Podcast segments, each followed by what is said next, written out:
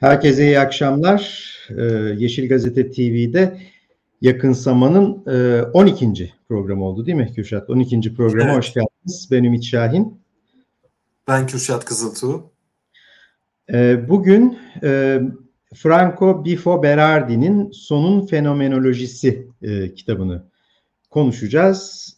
Kitap Everest yayınlarından e, çıkmış. Serhan Ada, Bengi Oya, Mert Erarslan'ın e, çevirisiyle 2021 yılında ama aslında kitabın yazılış tarihi ve yayın tarihi İtalya'daki yayın tarihi 2020.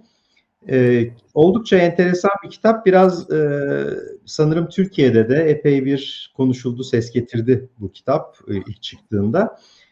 E, biz biraz böyle bir sene, bir buçuk sene üzerinden geçtikten sonra tartışıyoruz. Tabii asıl sorun olan bu değil. Ama hani sorun derseniz sorun olan e, kitabın aslında e, tam da Covid pandemisinin başında e, yazılmaya başlanmış bir büyük ölçüde tamamı kitabın değil ama büyük ölçüde bir günlük olması. Dolayısıyla aslında hani ben okurken e, günü gününe okusam ne iyi olurdu hissiyle okudum. Yani sonradan böyle aradan iki buçuk sene, üç sene geçtikten sonra değil de e, kitap olarak bile yayınlanmadan belki e, böyle gazete yazısı gibi, blog yazısı gibi e, günü gününe bir günlük olarak okumanın çok ilginç olacağı e, bir kitap. Ama e, Berardi'nin e, ilginç yeni kitaplarından biri olarak ve üzerinde de e, hem pandemi bağlamında hem e, neoliberal sistem, kapitalizm bağlamında e, önerileri ya da tespitleri bağlamında oldukça konuşulacak e, içeriği olan bir kitap sonun fenomenolojisi. Şimdi bu kitabı tartışmaya başlamadan önce çok pardon bunu bu kitabı tartışmaya başlamadan önce Kürşat sen istersen birazcık bize yazardan bahset. E, çünkü Hani benim açıkçası Berardi'nin okuduğum ilk kitabı e, bu kitap. Ama sen e, yazarı daha iyi tanıyorsun. Biraz Berardi'yi tanıyalım. Ondan sonra e, başlayalım. E, bu kitap Türkçe'de yazarın yayınlanan beşinci kitabı. Bundan sonra bir kitabı daha yayınlandı. Türkçe'de toplam altı kitabı var. E, Franco Berardi 1940'lı yıllarda doğan, e, 1960'lı yılların e, militan aktivist kuşağından yani 1968 hareketi dediğimiz e, sürecin İtalya'daki e, figürlerinden birisi. E, 1968-69 yılları İtalya'da özellikle e, otomotiv sanayinden e, kaynaklı olarak e, çok ciddi işçi grevlerinin oluştuğu ama e, Almanya ve e, Amerikan ve Fransız 68'inden farklı olarak da işçi hareketiyle öğrenci hareketi arasında ciddi derecede sinerjinin olduğu bir e, 68 ve sonrası süreç e, farklı bir 68 deneyim var İtalya'nın. E, yani yalnızca bir öğrenci hareketi veya gençlik kültür hareketi olarak ortaya çıkmıyor. Daha ziyade e, kapitalist sistemin e, üretim tarzındaki e, köklü değişimlerinin bir tür laboratuvarı olarak e, yani bir post-Fordizme geçiş sürecinin laboratuvarı olarak e, özellikle İtalyan otomotiv sanayide bir takım değişimler yaşandığı için e, bir yandan da çok ciddi derecede üniversiteleşmenin e, olması ve e, üniversiteli genç kuşak ile işçiler arasında ciddi derecede yakınlaşma ve aynı zamanda da İtalyan işçi hareketinin tarihini anlatan kitaplarda buna da değinilir.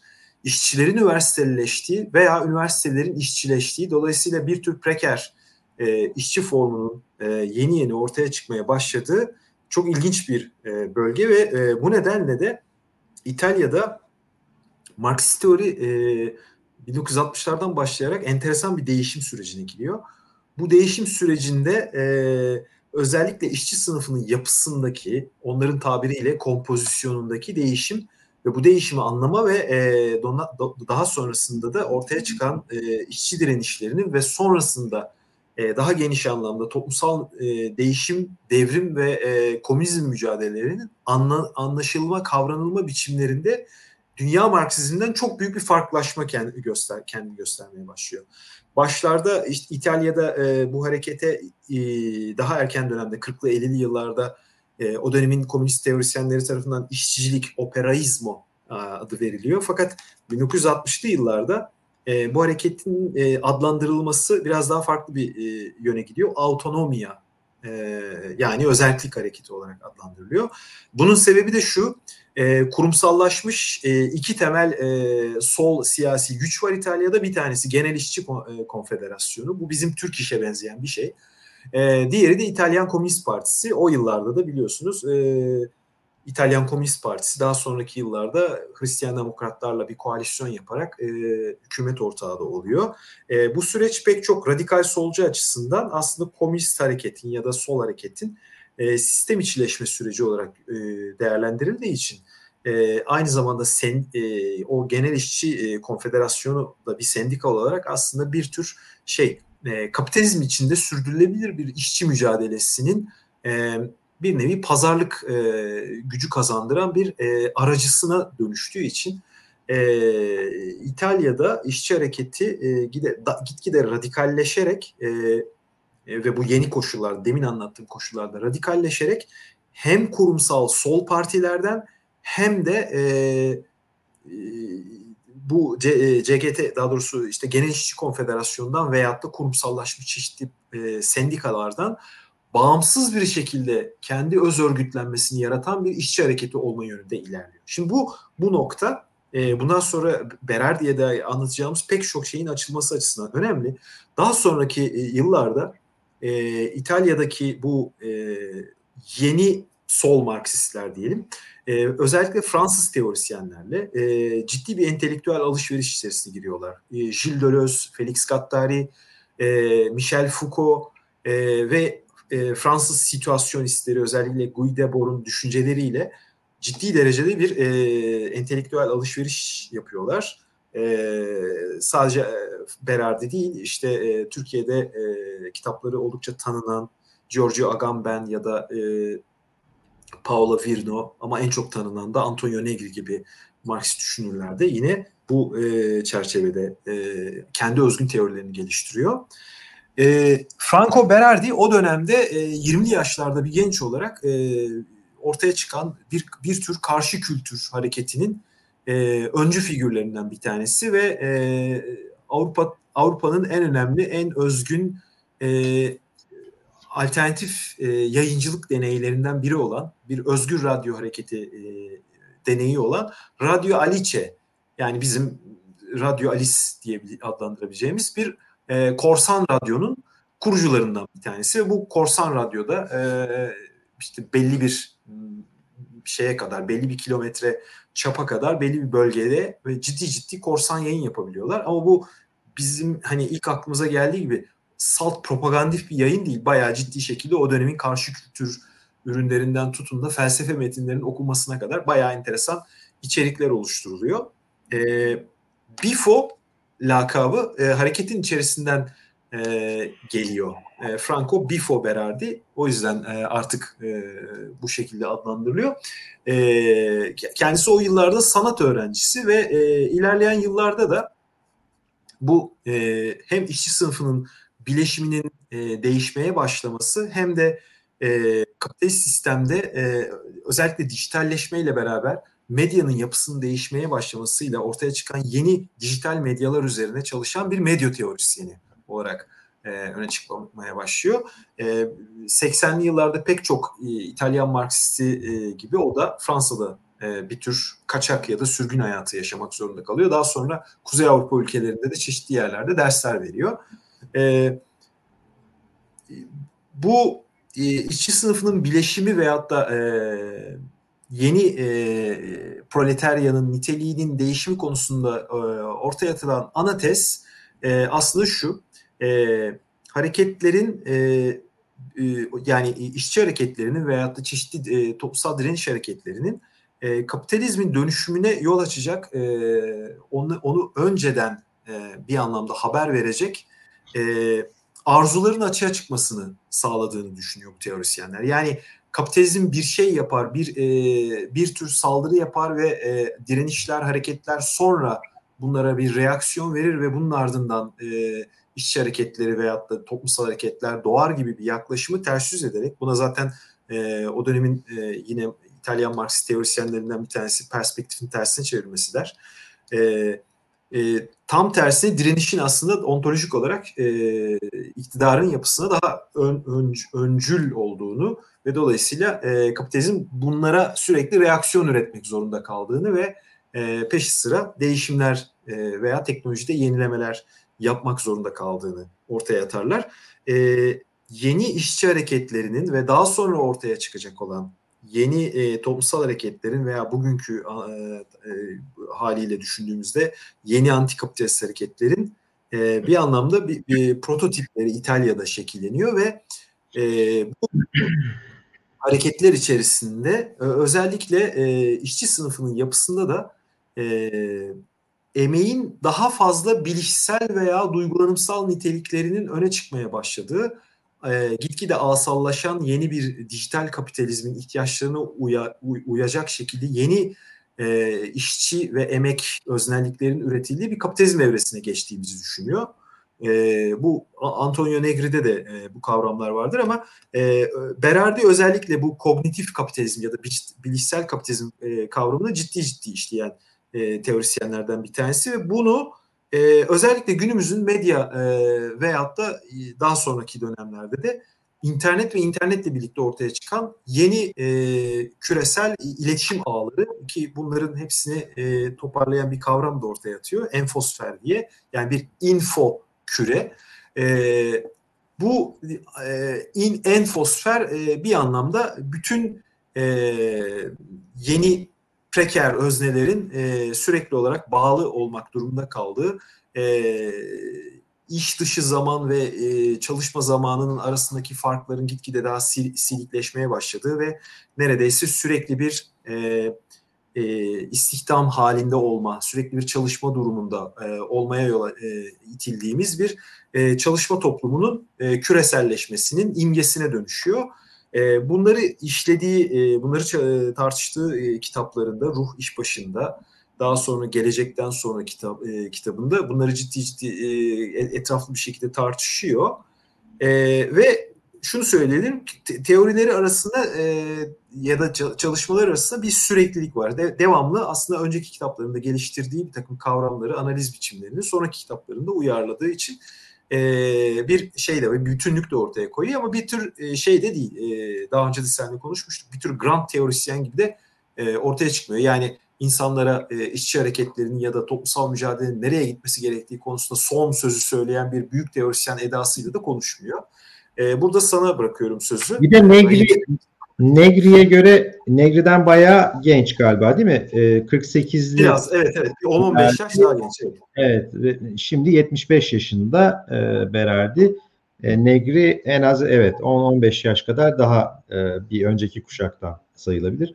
Evet yani ben e, birazcık kitapla ilgili e, hani bir miktar izlenimlerimle başlayayım. E, bu sonun fenomenolojisi nasıl bir kitap ve ben nasıl okudum biraz ondan bahsedeyim. E, şimdi öncelikle biraz önce de söylediğim gibi kitap aslında e, günü gününe yazılmış bir günlük. Yani sonradan oluşturulmadığı da çok belli. Gerçekten günü gününe yazılmış. Çünkü gazete haberleri, o sırada çıkan e, yani sadece duygulanımlar, izlenimler değil, e, bir takım haberler vesaireler de günü gününe aktarılmış. Toplam e, 9 bölüm var. E, psiko çöküntü günlükleri e, diye adlandırdığı 9 bölümden oluşan bir günlük var. O 21 Şubat'ta başlıyor. Epey erken başlıyor bu arada. 2020'nin 21 Şubat'ında daha pandemi ilan edilmeden önce başlıyor aslında. Ama Dünya Sağlık Örgütü'nün ilanından önce oluyor evet, galiba. E, pandemi ilandan önce ama tabii İtalya'nın e, Berardi'nin yaşadığı İtalya'nın kendisi de Bolonya'da galiba. Evet. E, e, İtalya'nın e, hani Avrupa'da pandeminin patladığı ilk ülke olması burada önemli. Hani en erken İtalyanlar bunu fark ettiği için e, bence onun da etkisi var. Yani çok erken bir dönemde aslında bu Covid pandemisini yazmaya, yaşamaya ve yazmaya başlamış. Sonra en hızlı biçimde kapanmaların da yaşandığı yer olduğu için İtalya en en büyük kapanma, en erken kapanma İtalya'da ve daha sonra İspanya'da olmuştu malum. 21 ee, Şubat'ta başlamış ve 31 Temmuz'a kadar yani aslında e, pandeminin en erken ve en ağır dönemini içeriyor bu günlükler. Yani daha aşı bulunmadan önce bitiyor günlük. Yani aşı çalışmaları vardı o dönemde ama henüz aşı resmen e, ya da aşılar resmen e, çıkmamıştı e, ortalığa. O açıdan aşı öncesi e, şeyin e, pandeminin en sert olduğu dönemin günlüğü olduğunu söyleyebiliriz. Artı bu kitapta o günlük dışında da eşik üzerine altı düşünce e, başlıklı e, bir böyle yaklaşık 50 sayfalık falan 45-50 sayfalık bir bölüm daha var. Bu bölüm biraz daha günlük gibi değil daha e, böyle deneme tarzında yazılmış bir bölüm ama bu daha sonra bu bölüm genişleyip anladığım kadarıyla üçüncü bilinç dışı kitabına dönüşüyor. Yani üçüncü bilinç evet, dışı evet. Türkçe'de yayınlandı. O kitaptaki bazı şeyler burada direkt var. Ee, yani bir ön üçüncü bilinç dışı gibi bir şey. Hatta bölümlerden bir tanesinin ismi bu. Ee, kitabın yapısı böyle. Dolayısıyla bir günlük olduğu için aslında çok e, rahat okunan ve çok aslında keyifli e, bir dili de olan bir kitap ve aslında edebiyat e, göndermelerinin de yer yer olduğu, e, sadece güncel ve politik değil, edebiyat göndermeleriyle de dolu e, aslında keyifli bir kitap. Ama benim açımdan mesela okumanın şöyle bir zorluğu oldu. E, en başta da söylemiştim. Sonradan aradan iki sene geçtikten sonra tekrar pandeminin en ağır günlerine dönmek bana zor geldi birincisi açıkçası. Yani e, çünkü e, şimdi şöyle bir şey 30 sene önceyi 20 sene önceyi okuyor olsak yaşamış bile olsak unutmuş oluruz ve onları yeni baştan yaşamanın bir anlamı olur. Fakat o kadar taze ki bu hikayeler yani bizim için daha yeni içinden geçtik ve yeni Berardi'nin yaşadığı her şeyi yani İtalya kadar değil belki ama e, benzer şeyleri biz de yaşadık o haberlerle biz de e, psikososyal çöküntüye uğradık. Yani doğrudan doğruya aslında e, insan kendi içinde bir şey yaşıyor. E, bir e, geriye dönüş hani e, yaşıyor açıkçası.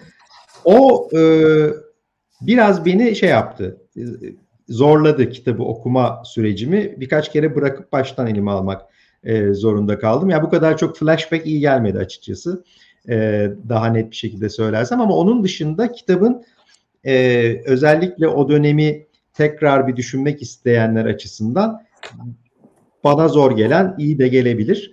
İkincisi e, bana biraz zor ya da e, sorunlu gelen diyeyim kısmı özellikle bu pandemi ve virüs covid meselesi konusundaki bazı saptamalarının fazla aceleci ve fazla e, abartılı olduğunu düşünmem. Ama bu tabii kitabın yazıldığı dönem yani günlüğün tutulduğu dönemin şartlarıyla, ruh haliyle de alakalı. Yani o sırada e, bilinmezliklerle doluydu. Daha ortada hiç, e, aşı yok, hiçbir şey yok. İnsanlar ölüyor, sağlık çalışanları ölüyor. Çok zor bir dönem ve e, tabii her şeyin değişeceği e, yani artık hiçbir şeyin eskisi gibi olmayacağı ruh hali çok yaygın bir ruh haliydi ama mesela ben kendi adıma o dönemde de e, bunu çok fazla yansıtanlara gazete yazılarında ya da sosyal medyada yazı, yansıtanlara böyle biraz yani biraz abartıyorlar diye bakıyordum. Çünkü belki benim kişisel bakış açım olabilir ya da biraz mesleki şey olabilir. E, ne diyeyim bakış açısı şey olabilir.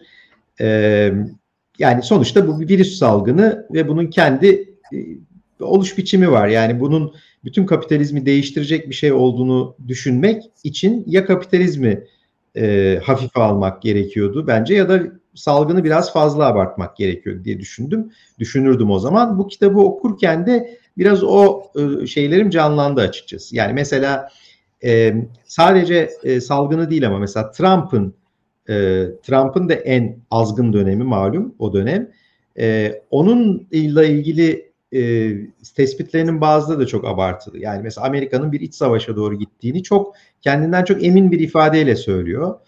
E, işte bu salgının kapitalizmin artık son şeyi olduğu, kapitalizmin bunu hiçbir şekilde aşamayacağı, içinden çıkamayacağı gibi sayısız tespit var ama kitabın bir yerinde, daha doğrusu günlüğün bir yerinde yanıldığını da söylüyor ama. Yani onu da e, şimdi bulabilirsem okurum.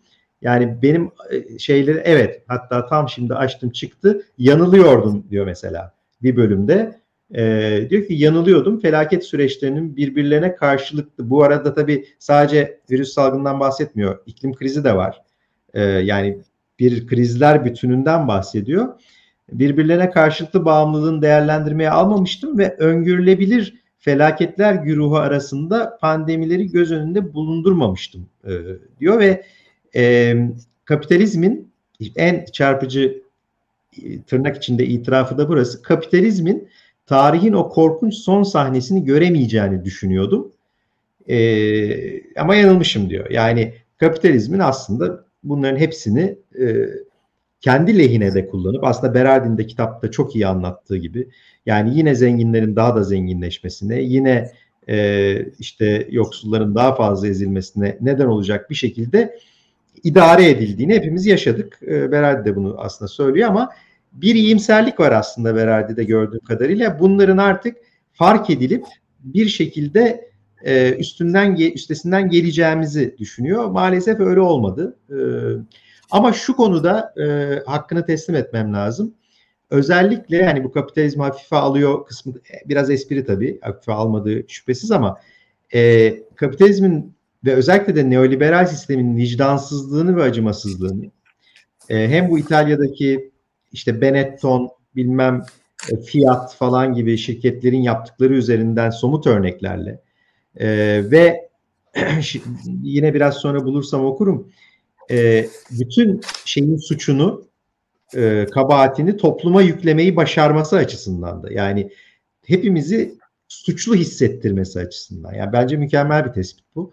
Yani bu kapitalist sistem bu pandeminin de suçunu bize yıktı ve e, sağlık sistemini özelleştirmelerle, kesintilerle e, işte yerle bir eden e, devlet ve sistem e, yine insanların ölmesinin suçunu maske takmıyorsunuz, bilmem ne yapmıyorsunuz diye bize e, yıkmayı başardı. Mesela bu konudaki tespitleri gerçekten çok iyi. E, dolayısıyla bu acımasızlığını falan bence çok e, sağlam bir şekilde neoliberalizm eleştirisini çok sağlam bir şekilde yapıyor. Ama diğer kısmı yani bu e, dönüştürücü gücü ne dair tespitlerinin mesela yine normalliğin geri gelmemesi yani eski normale geri dönmemek gerektiğine dair o zamanlar hepimizin aslında çok söylediği şeyleri de çok güzel tespitlerle e, vermiş ama geri dönmeyeceğini varsayması bana çok gerçekçi gelmedi. Yani o normalin geri döneceği e, belliydi. Yani bütün bunların bir şekilde e, sistem içerisinde kalmasının ve insanların aslında o kötü günleri de aynı benim gibi çok da hatırlamak istemeyeceği bir günün geleceğini e, tespit etmesi gerekiyordu. Ama biraz tabii yine kitabın bir yerinde söylediği bir kendi geldiği kuşakla 68 kuşağından olması. Yani insan gençlerin neden isyan etmediğini sorguluyor bir yerde mesela. Yani bizim kuşağımız olsaydı diyor eve kapanmayı reddederdik ve komünler kurup dışarıda e, eyleme geçerdik diyor. Şimdi ise sağ olsun gençler biz astımlı ihtiyarları korumak için evde oturuyorlar diyor. Yani çok şahane tespitler var kitap boyunca. Ama dediğim gibi o iyimserlik e, ve pandeminin böyle bir toplumsal hareketi doğuracağı yönündeki yani artık iyimserlik mi denir, öngörü mü denir? O, o bana biraz abartılı geldi. Daha önce de seninle konuşmuştuk Kürşat bu kısmını. Ee, biraz böyle. İstersen e, sana bir iki sorum da olacak ama ön, ondan önce senin kitapla ilgili genel değerlendirmelerini de dinleyelim. Ondan sonra bir iki soru soracağım.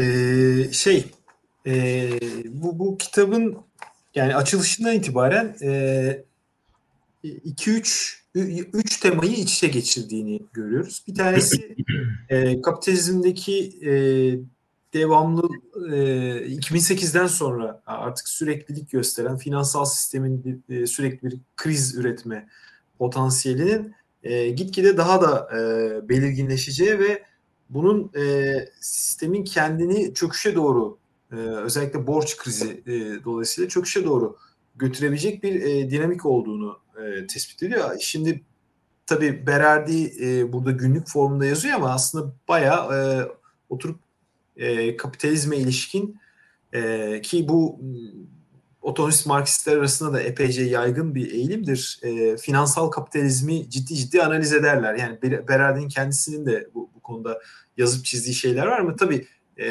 bu, bu teorilerin e, bir ekonomist ya da sosyal bilimcinin çalışmaları gibi bir e, teorileştirme olmaktan ziyade daha bir e, daha ziyade bir sol teorisyenin e, bütün bunlardan bir e, toplumsal e, varsayım dayalı bir e, çıkarımda bulunduğu daha spekülatif te, teoriler olduğunu söylemekte e, burada fayda var. E, bu, bu tabii bu bu teorilerin spekülatif oluşu e, onları işlevsiz ya da işte değersiz kılmıyor. E, daha e, hatta belki de aslında şimdiki zamanı anlama konusunda daha eleştirel bir mesafe alma e, açısından da bize e, verimli kavramlar da sunuyor. Dolayısıyla mesela ben e, senin söylediğin e, şeylere, e, kitaptaki zayıf noktalara e, veyahut da işte bu e, günlüklerdeki zayıf noktalara e, çoğuna katılıyorum. E, bunu bir zayıflığı olarak e, veyahut da e, hani işte bu tür e, filozoflar pandeminin başından beri hep böyle bir takım büyük öngörülerde bulundurular ama bu öngörülerin pek çoğu e, ya tutmadı ya da işte e, bir süre sonra e, gözden düştü, anlamsızlaştı falan. Hani bunları evet söylüyoruz ama e, mesela Berardi için o, o noktada biraz e, farklı bir yerde duruyorum. Yani e, şöyle, e, birincisi Berardi çok önceden başladığı e, uzun dönemli bir e, analizler dizisinin bir parçası olarak, bir uğrağı olarak bu kitabı ortaya koyuyor. E, şöyle e, bu analizlerin en önemli e, boyutu e, emek rejiminin yapılanışıyla ve e, dijital ağlarla e, kurulu bir e, çağdaş medya ve bunun içine gömülü hayatlar yaşayan gitgide artık e, ağ, ağ bağlantılı hayatlardan çıkamayan sürekli bir e, bağlantılılık durumu, sürekli bir online olma durumu içerisinde öznelliğimizin yeniden biçilen, biçimlendiği bir dönemin e, ruh halini anlama konusunda e, 10 yıl öncesinden hatta 12 yıl öncesinden bir takım çalışmalar yapıyordu. E, sana da tam bu noktada bir soru da yönlendirmek istiyorum. Ondan önce kısa bir e, bilgi vermek açısından. E, şimdi Berardi e, kapitalizm analizlerini e, iki düzlemi iç içe geçirerek yapan bir figür. Anlamı da bir anlamda öyle.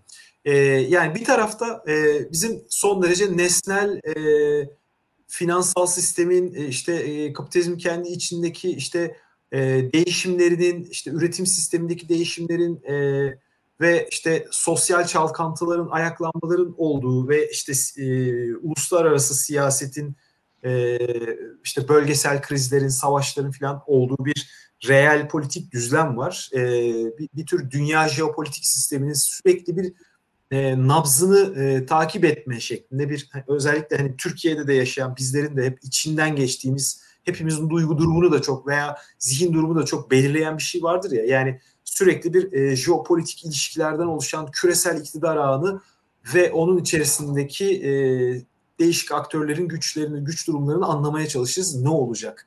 Ne olacağını öngörmeye yönelik e, tasavvurlarımız büyük oranda bu makro değişkenleri yakalamaya çalışmak üzerine kuruludur ya bir taraftan. E, bu tümüyle yanlış değildir ama bunun e, zayıf bir tarafı vardır. Bizi e, sadece makro değişkenlerden oluşan ve dolayısıyla aslında e, büyük karar vericilerin yani e, işte e, finansal sistemin e, veyahut da e, işte e, hükümetlerin büyük karar vericilerinin son sözü söylediği ve her şeyi belirlediği, belirlediği bir e, bayağı neredeyse artık e, kendimizi tümüyle güçsüz bir pozisyona çektiğimiz e, yani tahtadaki oyuncular gibi görmeye başladığımız bir dünya modeli kurmaya başlarız bu sistem içerisinde.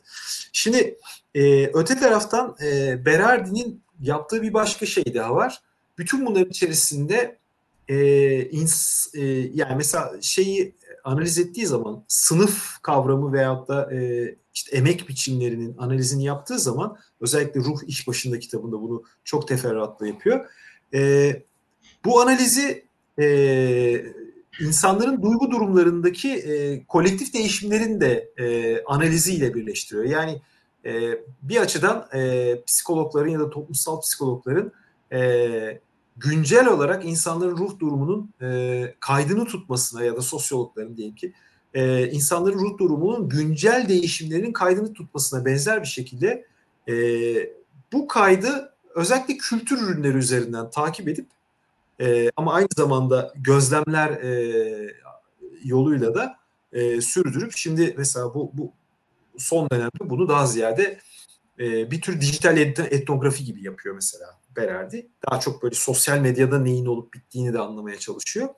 E, bu buradaki ruh durumundaki dalgalanmalarla e, küresel sistemdeki değişimler ve e, toplumsal hareketlerdeki değişimlerin eş zamanlı bir analizini yapmaya çalışıyor. Şimdi bir taraftan ve e, kapitalist sistemi anlamaya çalışırken de aslında e, sömürü, tahakküm vesaire bu tür e, mekanizmaları e, insan ruhundaki etkileri bakımından özellikle çok ciddi bir şekilde değerlendiriyor. İşte psikozlar, nevrozlar, e, işte kitlesel ölçekte artan depresyonlar, bilinç dışında ortaya çıkan değişimler ve, ve bütün bunları da e, şey yaptı, e, ilişkilendirmek üzere ortaya attı da bir kavram var, psikosfer diye.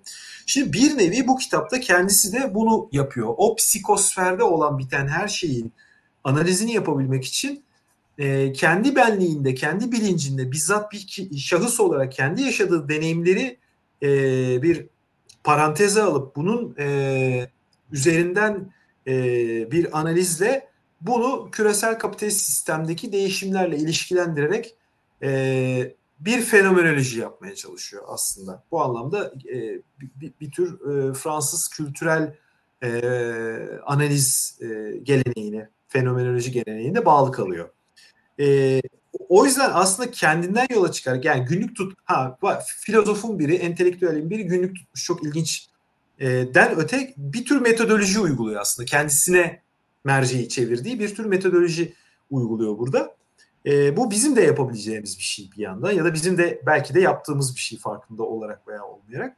E, şimdi e, bu kitabın e, bu açıdan ilginç gelen yanlarından bir tanesi bana hep bu oldu. Yani e, do, analiz nesnesini doğrudan kendimiz kılıp bunu küresel kapitalist sistemle de bir yandan ilişkiler açısından. Dolayısıyla buradaki dalgalanmalar yani bir nevi şey gibi e, küresel kapitalist sistemdeki buhranlar, ekonomideki işte siyasetteki buhranlarla e, toplumsallaşmış ruh durumundaki çeşitli dalgalanmalar ve buhranmalar, iniş çıkışlar bende bir rezonans yaratıyor ve ben aslında sürekli bunlarla duygulandığım için çünkü psikosferde dediği şeyin psikosferdeki bütün etkileşimlerinden ben kesinlikle bağımsız kalamadığından dolayı e, bende de dur, durmadan bir sürü duygulanım yaratıyor ve bu duygulanımlarla ben saçma sapan tespitler de yapabilirim, çok karamsarlığa da düşebilirim, e, yükselebilirim, umutlanabilirim. Bu aslında bizim genellikle e, günü gününe sosyal medyadaki varoluşumuzu da bir anlamda örnekleyen bir yaklaşım. E, kitabı e, bu bu tür bir analiz yani psikolojiyi bireyselleştirmeden e, ama bireysellikteki dalgalanmaları da e, toplumsal sisteme tamamıyla ilgili indirgemeden ama ikisi arasındaki çarpışmayı, etkileşimleri e, takip eden, bunun e, kayıtlarını, bendeki kayıtlarını takip eden bir e, analiz çabası olarak anlıyorum. E, bu kitap hakkında en çok e, ilgi çekici bulduğum şey bu. Evet ilginç yani e, ben böyle okumamıştım. Çok e, söylediğin ilginç gerçekten. Yani bunu bir günlükten öte e, bir tür etnografik çalışma gibi belki bile adlandırmak mümkün olabilir. Ben ya da senin dediğini öyle anladım. E, kendisinin özne olduğu bir etnografi. Yani evet. e, çünkü şeyi boyunca günlük boyunca aslında e, ne kadar e, o günlük hepimizin yaşadığı o dönemde o günlük e, travmalardan ya da e, büyük işte bir bakıyoruz e, işte herkesin bir tanıdığı e, bir arkadaşı, bir e, akrabası ölüyor Covid'den ya da işte aynı günde on binlerce insanın hastalandığına, öldüğüne dair büyük haberler görüyoruz falan filan. Bütün bunların yarattığı o şey birebir bu şeye yansıyor, günlüğe yansıyor. O anlamda dediğin gibi o e, ama bir bireysel e, duygulanımları üzerinden değil kitlesel dediğin gibi yani evet, evet, evet. yansıtılması şeklinde yapılıyor ki gerçekten hepimizde o dönemde de aslında hala da böyle bir psikosferin e, içinde yaşıyoruz. Tabii internet üzerinden büyük ölçüde yaşıyoruz. Yani gerçek anlamda birebir ilişkilerde böyle bir şey yaşamıyoruz bence hiç. Art, eskisinden de az yaşıyoruz hatta bir kitlesel psikolojiyi e, birebir ilişkiler üzerinden ama internet e, üzerinden e, belki bunun salgınını yaşıyoruz. Yani bu infodemi de diyorlardı ya yani inanılmaz bir iletişim salgını içerisinde bunu yaşıyoruz. Bu açıdan bunun bir e, şeyi olabilir, e, örneği olabilir e, anlattıkları. Bu demin e, özellikle bu söylediğin şeye belki bir örnek olabilecek biraz önce söylediğim bölümü e, bu arada buldum.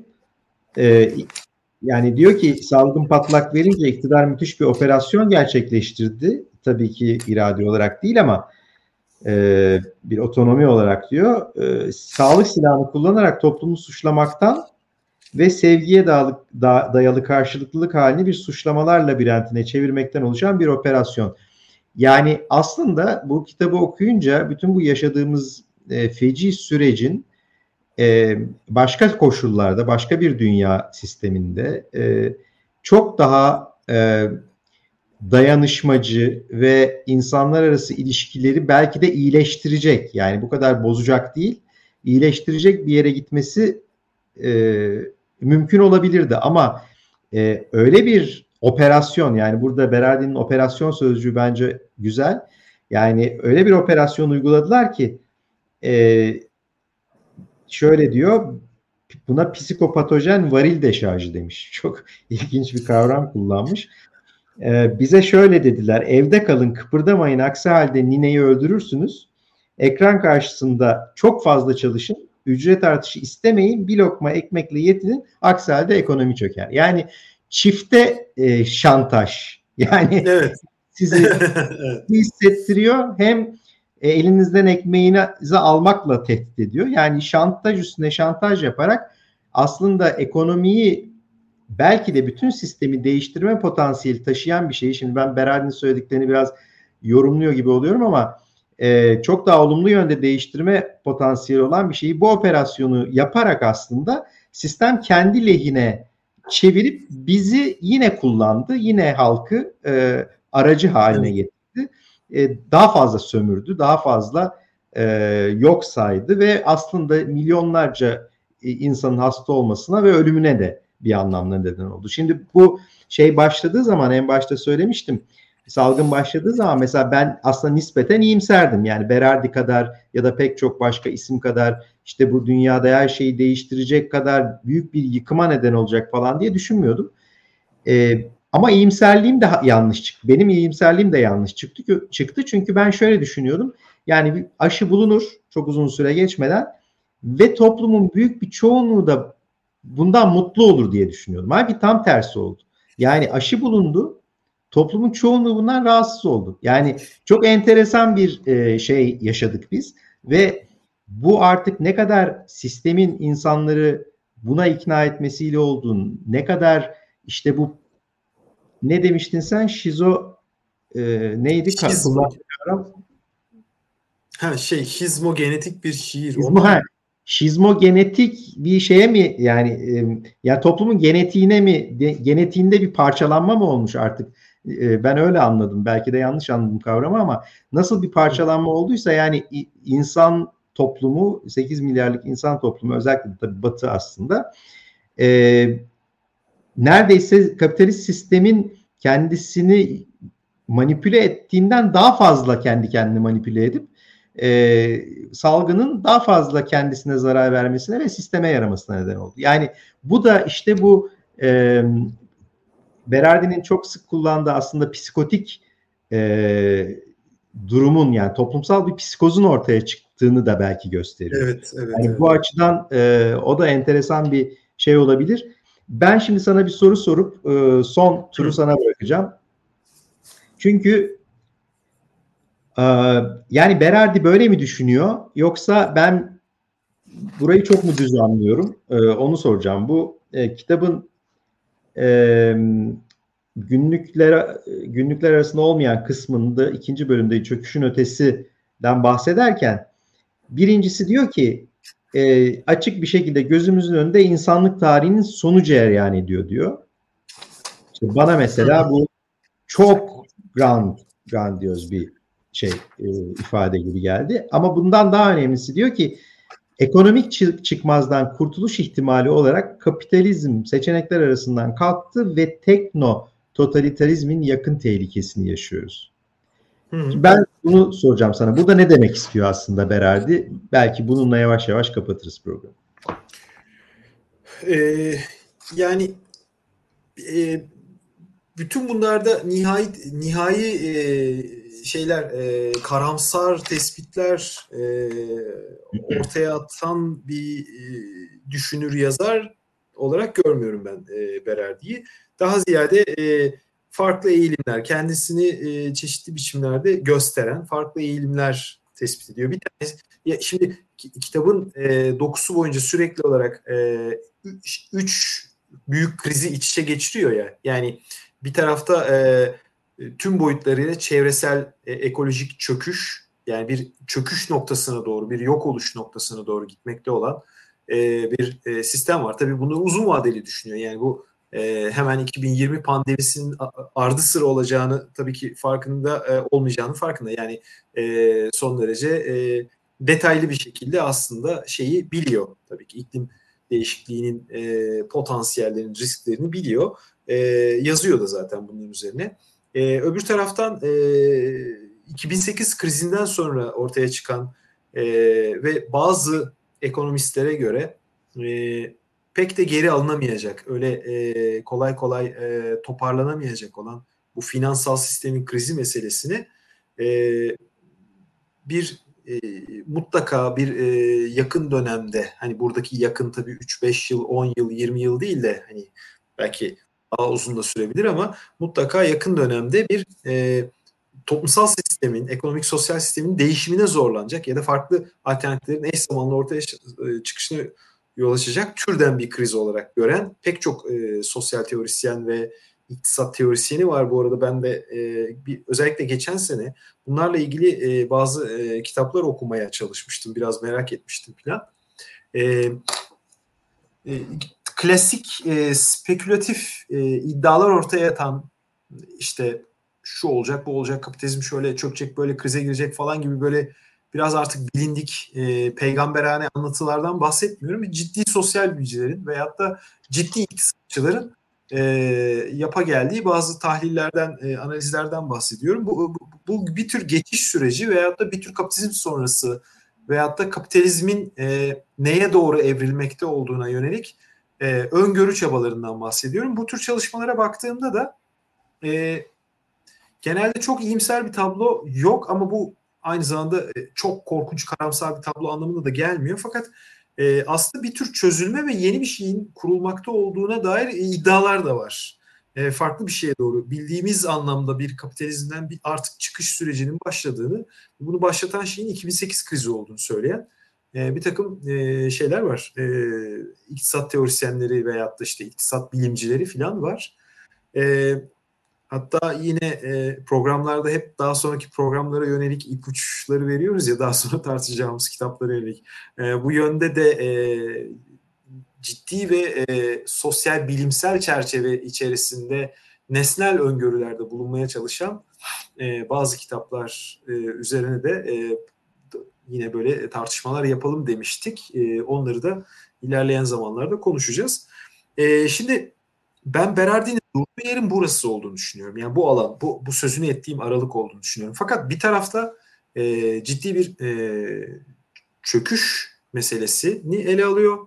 E, yok oluş yani hani daha çok e, özellikle radikal ekolojistlerin de kullandığı bir kavram olan yok oluş kavramını kullanıyor. Bir taraftan e, bu kapitalizm sonrası ve bir, bir tür kriz geçiş süreci meselesini kullanıyor. Bu biraz aslında Immanuel Wallerstein'ların falan da böyle 2050'de kapitalizm e, dünya sistemi de bir değişime girecek bu zorunlu e, bütün uzun dönemli analizler bunu gösteriyor şeklinde 50 yıldan beri yaptıkları bir takım çalışmalar var. E, buna benzeyen bir yerden konuşuyor olduğunu tahmin ediyorum. Üçüncüsü de Berardi sürekli aktüel yazılar yazıyor. Özellikle Avrupa gündeminde. Yani Brexit oluyor, o oluyor, bu oluyor, seçimler oluyor. Çok güncel şeyleri yakından takip ediyor ve bunlar üzerine yazıyor. İşte Ukrayna savaşı üzerine, Putin üzerine falan. E, bunlar üzerinden de e, Avrupa'da e, hem Avrupa sisteminin, Avrupa'da Avrupa Birliği sisteminin hem de daha genel anlamda dünya sisteminin e, çok da iyi bir potansiyel vaat etmediği konusunda pek çok yazısında böyle yaklaşan faşizm, gelmekte olan iç savaş e, gibi e, şeyleri çözümlemeleri var. E, ama tabii şöyle bir yaklaşımı yok. Yani e, süreç buraya buraya gidiyorsa o zaman biz bunun e, neresinde duralım? Mesela bu bize yarayacak sonuçlar verir mi? E, gibi e, geçen hafta da konuştuk ya bazı krizler derinleşir ve oradan toplumsal isyanlar patlar. Biz de tam da bunu e, bir anlamda bir e, şeye çeviririz. Devrimci ya da özgürleşmeci bir momente çeviririz falan. Böyle bir kesinlikle böyle bir araçsal siyaset anlayışı yok. Tam tersine e, bu kitabın içinde de yine e, söylediği şeylerden bir tanesi bu. Böyle bir döngünün içerisinde örneğin e, gitgide artan bir şiddet döngüsünün içerisinde bize yer yok. Biz bunun içerisinde kesinlikle yer almamalıyız. Biz dediği kim burada? Tabii ki toplumsal hareketin ilerici aktörleri her türlü. E, ekolojistler, feministler, işte antikapitalistler, komünistler, işte anarşistler akla ne geliyorsa. E, e, fakat e, burada mesela bir tür kahramanlık hamlesiyle veya bir tür işte toplumsal dönüşümün öncü faili olma tutkusuyla e, öne atılıp e, doğru siyasal eylemi yerine ve zamanında gerçekleştiren öncü figürü tiplemesi ya da böyle bir teorisyen değil dedim ya e, böyle şeyler de söylemiyor ya da herhangi bir hareketin de böyle bir e, e, eğilimde olmaması gerektiği konusunda çok net e, şeyleri var, tespitleri var. Ama bir taraftan da bakıyoruz aslında komünist bir düşünür. Bu adam komünizmi nasıl anlıyor? E, bildiğimiz Sovyetik e, model değil. E, onun da çok net eleştirisini yapıyor. E, yine e, daha onun jenerik formlarında tamamıyla e, özgürleşmeci, ortaklaşmacı bir boyutuyla ele alıyor. E, fakat e, şu var e, Berardi'de. Devamlı e, biraz aslında Kropotkin'de de olan, Eris, Eris Reclus'ta da olan ya da işte e, iki hafta önce konuştuğumuz e, Berkman ve Montgomery'nin e, neşeli militanlıkta da olan e, bir te, temel bir eğilim. Yani en küçük insan eylemindeki e, e, en e, um, umut verici potansiyele odaklanarak bu, bunların oluşturduğu e, kurucu eğilimleri e, sürekli birbirine buluşturacak bir e, keşif, arayış, icat e, ve tekillikler, tekil mücadeleler e, etrafında e, bir e, bakış açısına sahip. Yani bir anlamda şunu diyor e, birçok yerde de buna rastlıyorum. E, dünya sistemi e, bu sistemin e, siyaset araçları yoluyla e, düzeltebileceğimiz bir eşiği çoktan geçti. Yani bu mesela kimi e, analistlere göre bu iklim değişikliği içinde aynısı geçerlidir ya artık biz insan müdahalesiyle bu iklim değişikliğini geri alabilecek evreyi çoktan geçtik. Artık şey taşma noktalarının ötesine geçtik. E, kapitalizm için de bunu söylüyor. E, şimdi artık bizim yapmamız gereken şey tamamen başka bir e, işte kullanım değerini öne çıkaran, bakım emeğini öne çıkaran, insan dostluk, dayanışma ve sevgiyi yeniden keşfeden, e, tamamıyla özgürleşmeci bir e, toplumsallık biçimlerinin e, yaratım süreçlerine odaklanmak ve e, silahlar konuştuğunda, savaş patladığında, iç savaş olduğunda biz orada olmayalım. Biz bunun bir parçası değiliz. Biz başka bir zeminde duralım.